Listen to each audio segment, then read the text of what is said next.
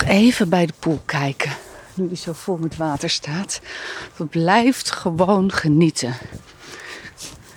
Ik voel me gewoon super rijk dat hier zo'n waterpoel is. Eerst was er niks en nu is een waterpoel.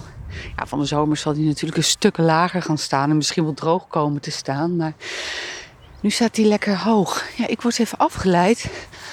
Want er is hier, staat hier een boom die, nou, heel levendig ziet hij er niet uit. Maar staat gewoon altijd in het blad in de zomer, in het voorjaar. Maar is een stuk hout afgebroken.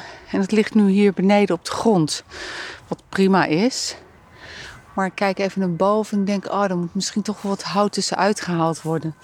Tegelijkertijd, ja, er loopt hier bijna nooit iemand. Dus op je kop krijgen uh, zo'n stuk hout, dat uh, zal niet gauw gebeuren.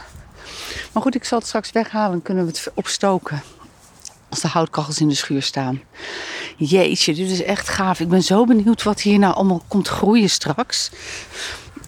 Als uh, allemaal hondenpootjes in de klei. Nou ja, als het straks mooi weer wordt, dan uh, gaan hier natuurlijk waterminnende planten groeien. En het grappige is, wat komt er nou allemaal omhoog? Er steken hele kleine draadjes uit de klei omhoog. Geen idee wat het is. Leuk zeg. Echt heel leuk. En hier een heel klein mini-mini bla groen blaadje. Wat hier zo'n kop boven de klei uitsteekt.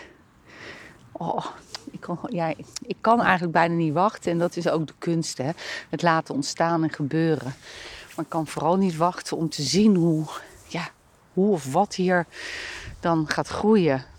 Ik weet wel dat we in het voorjaar ook nog de klei die daar nog opgehoogd ligt, ook nog moeten uitrijden. Het jammer daarvan is dat je het dan toch weer verstoort.